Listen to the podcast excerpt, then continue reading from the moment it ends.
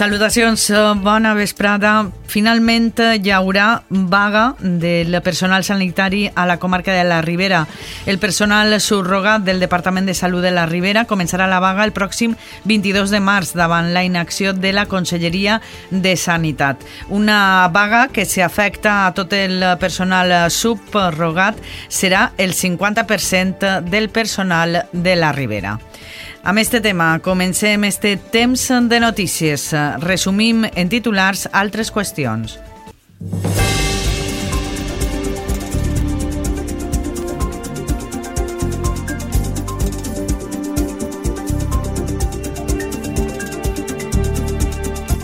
La reparació del paviment del carrer Pérez Galdós es farà el pròxim mes de juny. La data d'inici de les obres ha estat consensuada amb el veïnat i els comerciants. La primera fase del carril bici entre Alcira i el Gemesí està engestida. La ruta ciclista uneix Alcira amb els diversos polígons industrials del Mercat d'Abastos i el polígon del Pla. L'Ajuntament destina 17.000 euros per a subvencionar les associacions veïnals. El llibre de la Falla la Malva torna a guanyar el primer premi de la promoció del València que atorga la Conselleria de Cultura. Enguany, en total, 11 falles alcirenyes rebran este reconeixement. Comissions Obreres de la Ribera ha celebrat este matí una assemblea al CIRA per parlar de plans d'igualtat i bretxa salarial de cara al 8 de març. El CIRA presenta el llibre Patata Verdú Smith i el còmic inèdit El hombre que corre del pintor Joan Verdú. L'esport arribarà després d'este temps de notícies. David Jordà ens fa un abans. A causa de la crida, la Unió Esportiva Alcira i el Family Casa Alcira Futbol Sala jugaran el diumenge a migdia. L'Alcira ho farà a les 12 a Uller Picó contra la penya esportiva i el Family a les 12 i mitja davant de l'Atlético Benavente. I pel que fa a l'oratge es manté l'ambient assolellat i gaudirem d'un cap de setmana amb les temperatures que van recuperant-se i aniran pujant al llarg dels pròxims dies. Una i 34, comencem.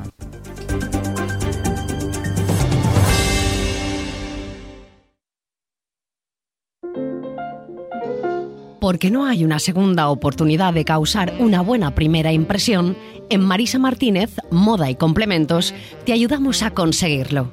Con más de 30 años de experiencia, somos expertas en conseguir un look perfecto. Nuestro equipo de asesoras y modistas propias garantizarán que tengas la mejor experiencia de compra y te vayas a casa sintiéndote lo que eres, especial. Visita Marisa Martínez en la avenida Sucro número 1 de Alcira o en shop.marisamartinez.com y descubre un espacio de moda único. Marisa Martínez, comercio seleccionado en el mes de marzo en la campaña Alcira 12 meses, 12 comercios. Ayuntamiento de Alzira. La Falla Oceas Market porta el millor Remember dels 80, 90 i 2000 el divendres 10 de març a l'exterior de la carpa de la Falla. L'entrada serà gratuïta. Hi haurà tarders des de les 7 de la vesprada amb la música dels DJ Vicente Buitrón, Jesús Labián, Javi Bria i Fede. Col·laboren Mercedes-Benz Talleres Ferauto Alcira, Cafeteria Moments, Burger Film, La Bodeguita del Medio, Canguro Rojo i Autocares Duen.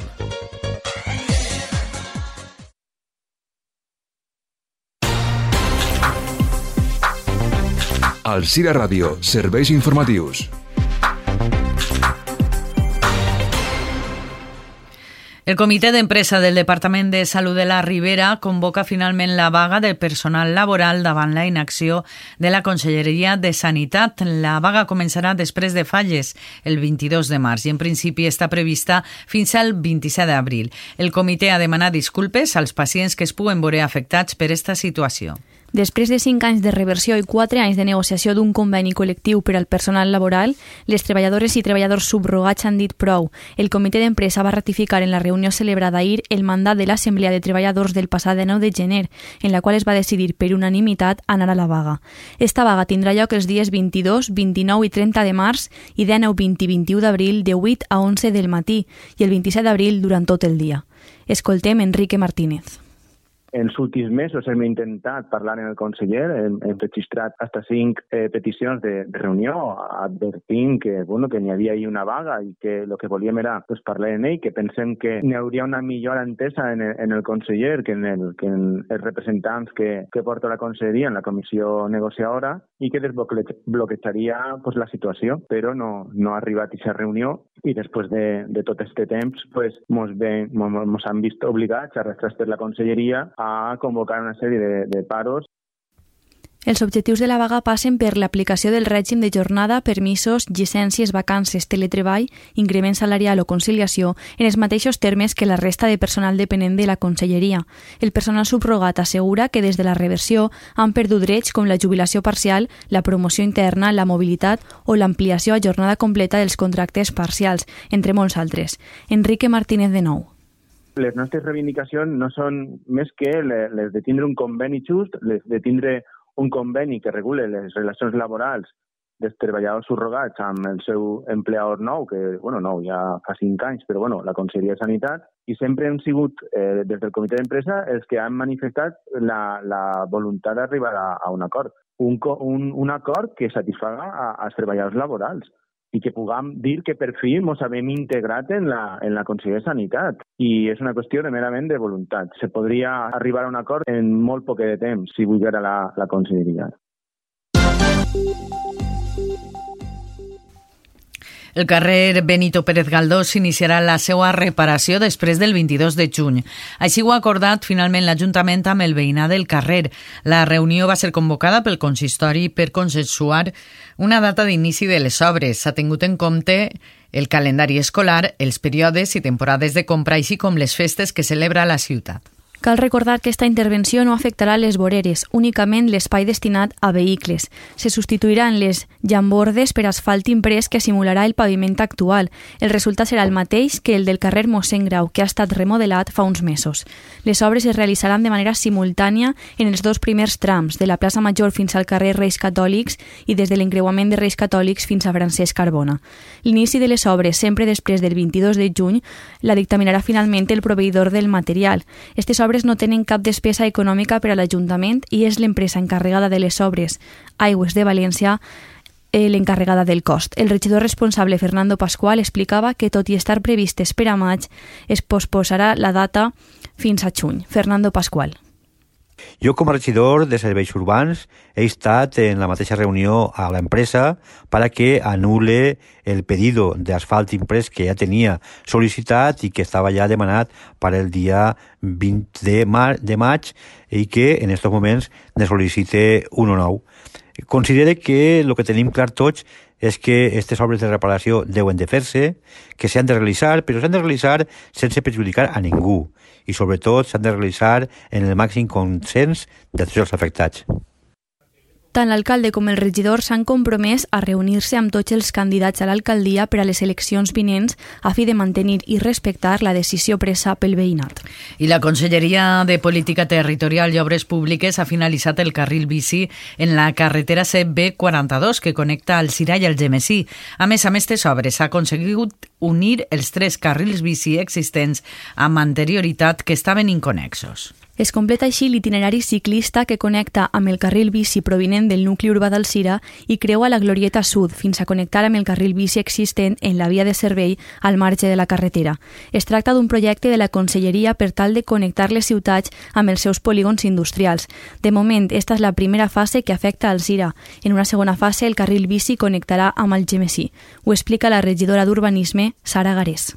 Este carril enllaça des de Ronda Barrablet, on ja eh, estava fet el carril bici, que és el que diguem el Mercat d'Abastos, se coneix com el polígon de Mercat d'Abastos, i enllaçarà amb el polígon del Pla i la ciutat del transport.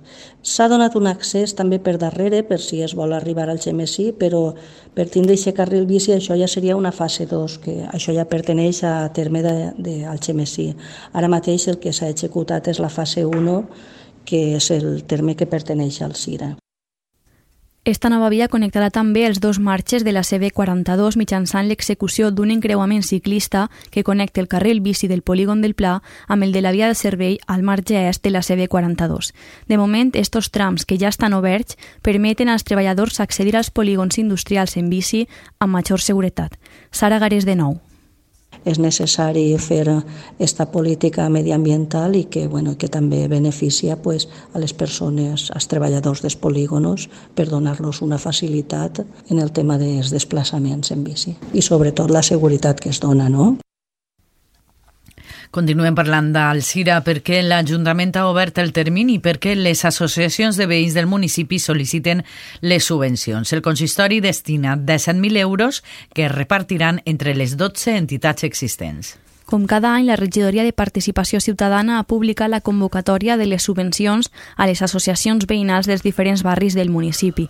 Fins al pròxim dia 30, les associacions interessades poden fer la seva sol·licitud mitjançant la seu electrònica municipal seu electrònica i buscant al catàleg de tràmits associacions, sol·licitud de subvencions a les associacions veïnals. Cal recordar que per a poder sol·licitar-les, les associacions veïnals hauran d'estar inscrites al registre municipal d'associacions i la instància de la sol·licitud haurà de signar-la la persona que ocupe la presidència de l'associació veïnal. Aquestes ajudes subvencionen les activitats, el manteniment dels locals i l'equipament de les associacions, a més d'una quantitat fixa per a aquelles associacions que no disposen de local i una quantitat variable depenent del nombre de socis. El pagament de les subvencions requerirà la justificació prèvia dels gastos.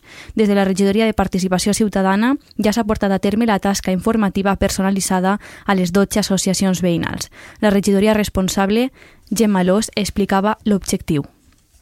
Com sempre, l'objectiu de la regidoria és que les associacions veïnals, que són al final les que treballen més a prop dels ciutadans, puguen disposar d'esta ajuda per a desenvolupar la seva tasca. El paper d'aquestes associacions és importantíssim. Això és una cosa que des de la regidoria de participació tenim molt clar i per a nosaltres és una prioritat ajudar i fomentar aquestes associacions. Comissions Obreres de la Ribera Safora ha celebrat este matí una assemblea al CIRA sobre el 8 de març i els plans d'igualtat. El sindicat ha centrat este acte a ressaltar les mesures que aconseguissin la igualtat laboral als centres de treball i l'eliminació de totes les bretxes de gènere. Sota el lema La igualtat és un pla que funciona, l'acte ha destacat l'acció sindical diària en la lluita per la igualtat, que es materialitza en la negociació de millors condicions en els convenis col·lectius i també en els plans d'igualtat. Andrés Bermejo, secretari general de Comissió sobre Ribera Safor, explicava que a la nostra comarca el 70% de persones aturades són dones i que l'administració i les empreses han d'apostar per elles. Andrés Bermejo.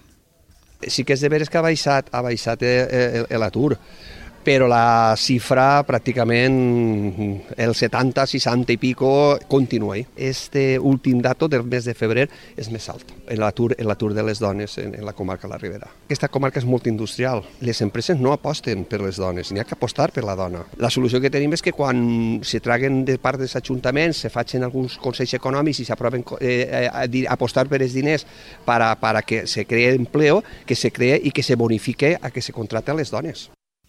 La secretària de la dona de Comissió sobre el Ribera Safor ha destacat el paper de les delegades i del sindicalisme feminista.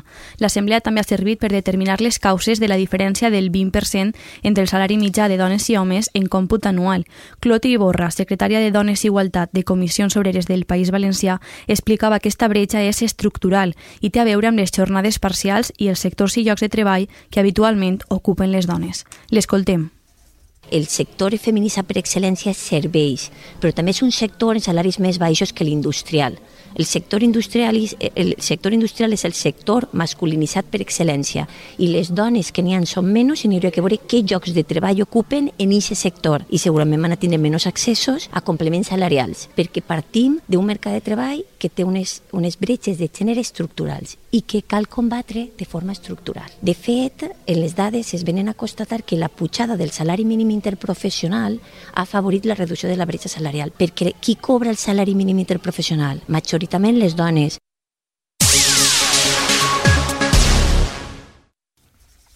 Un total d'11 comissions falleres d'Alcira han sigut premiades este matí per la Conselleria de Cultura per la promoció de l'ús del valencià amb els seus llibrets de 2023. La Falla Plaça La Malva ha renovat el seu primer lloc en la classificació de la Comunitat Valenciana. Amb este premi, la Malva aconsegueix guanyar el primer premi en 10 ocasions. Enguany, un any especial per al llibret que s'anomena Canvi, ja que precisament enguany canviava l'equip de cultura de la Comissió Fallera, que sempre havia estat en mans de José Manuel Rubio i Miguel Ángel Martínez. A banda de la Malva, també han obtingut premi la Falla Germanies al lloc 22, la Gallera Or dels Frares al 24. Els llibrets de les falles Caputxins, Pare Castell, Sant Joan i Plaça Major s'han quedat entre els llocs 30 i 33. La Falla Sants Patrons, el premi 36, la plaça del Forn el 45, la falla al Buixarres Camifondo en el lloc 57 i finalment el llibre de la falla Camí Nou s'ha quedat en la posició 69. El lliurament de premis serà el pròxim 10 de març al Palau de les Arts de València. Enhorabona a totes elles, però també els tenim que contar que també hi ha premis al Cira. Avui s'acaba el termini de sol·licitud per a la sisena edició dels Premis a l'ús del valencià en les falles, convocat per la Regidoria de Cultura a través del Cerval.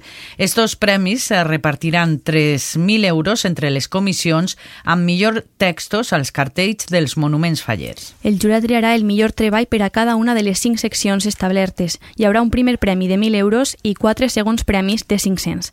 El jurat valorarà la correcció, l'enginy, la sàtira i la coherència dels continguts. El veredicte es farà públic el 10 de març, quan totes les falles i comissions guanyadores rebran un banderí acreditatiu del premi. Les sol·licituds es fan a través de la seu electrònica de l'Ajuntament d'Alcira i el termini acaba avui 3 de març. I Alzira passarà a mans del Montfaller este dissabte. L'acte de la crida significa el lliurament de les claus de la ciutat a les màximes representants de la festa fallera. A les 8 de la vesprada de demà, la crida reunirà a les portes de l'Ajuntament tot el Montfaller per encetar les festes. L'acte tindrà lloc a les 8, tot i que prèviament hi haurà la tradicional missa per recordar els fallers difunts a l'Església Sagrada Família. Tot seguit, des del balcó de l'Ajuntament, l'alcalde lliurarà les claus de la ciutat a les falleres majors d'Alcira, Helena Cebrián. I enguany, com és habitual, es comptarà amb el mapping que dibuixarà una flama a la façana de l'Ajuntament. Xavi Pérez, regidor de festes. Bé, va haver un espectacle molt variat eh, i amb molt de so, molt de llum, molta música i estarà un poc basat també en el símbol del foc, no? el símbol de la flama, no? Uh -huh. I a partir d'ahí se desenvolupa el mapping i va ser un mapping jo crec que va estar espectacular. Finalment serà el tenor Néstor Martorell qui cantarà l'himne. Tot seguit a la plaça del Regne es dispararà el castell.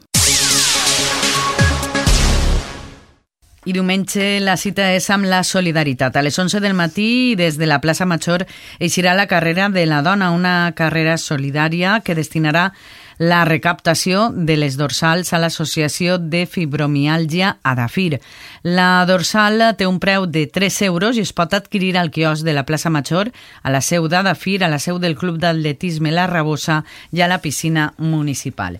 I també els contem que ahir es va presentar a l'Auditori de la Casa de la Cultura del Zira un llibre dividit en dues parts, Patata Verdú Smith i el còmic inèdit L'home que corre del pintor alcireny Joan Verdú, una obra editada per l'Ajuntament d'Alcira. L'espai acollirà una exposició de les il·lustracions de l'obra del 2 al 28 de març. Patata Verdú Smith és un homenatge a Joan Verdú a partir de la seva obra Big Potato with Holes, que va ser inspirada per la manera de tractar la creïlla del seu amic, el xef Joaquín Schmidt.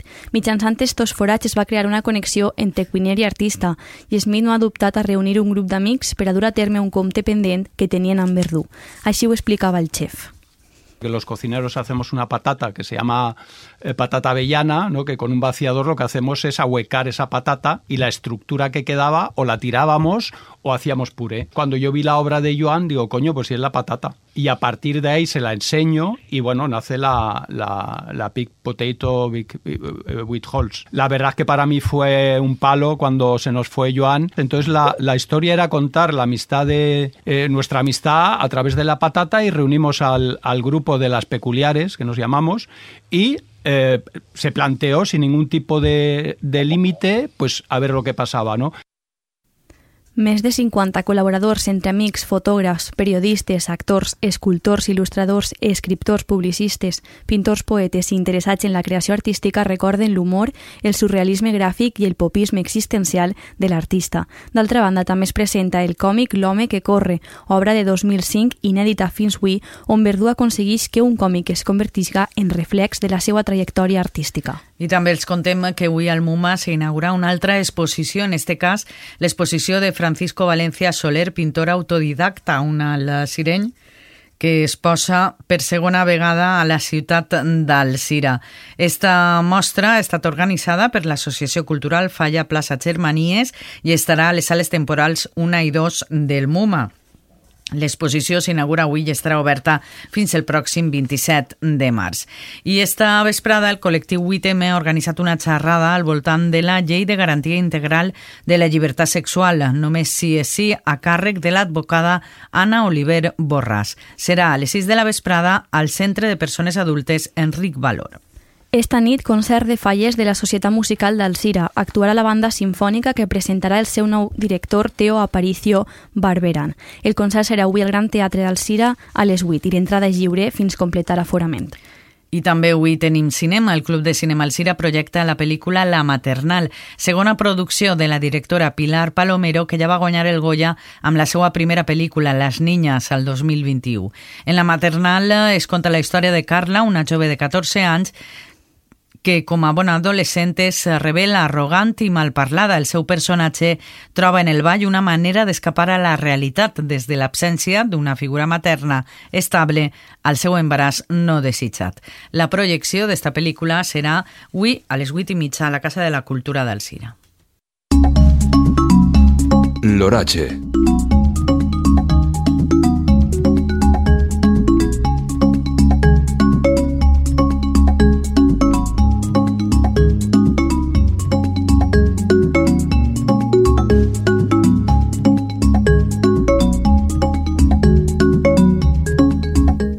Avui tenim un dia tranquil, amb sol i pas d'alguns núvols mitjans i alts un poc més abundants durant la vesprada en gran part del territori, on la borrasca del Mediterrani pràcticament desapareix i es retira lluny de nosaltres, afavorint este oratge estable. Les temperatures pugen lleugerament, amb valors màxims que es quedaran entre els 8 i els 13 graus. El vent de mestral bufarà fluix al litoral i de component marítim. Demà esperem un dia completament assolellat en la comunitat, ja que l'anticicló pel sud va guanyant terreny i les borrasques circularan lluny de nosaltres. Les temperatures continuaran pujant lleugerament amb algunes gelades a l'interior i valors màxims prop dels 11 i 14 graus i al litoral entre els 14 i els 16.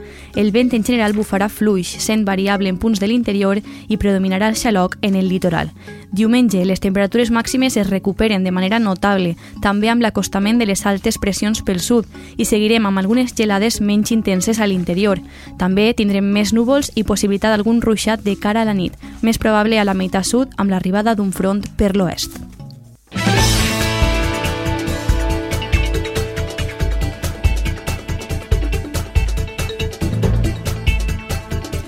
Posem així el punt i final. Gràcies per la seva atenció. Que passen molt bon dia. Adeu.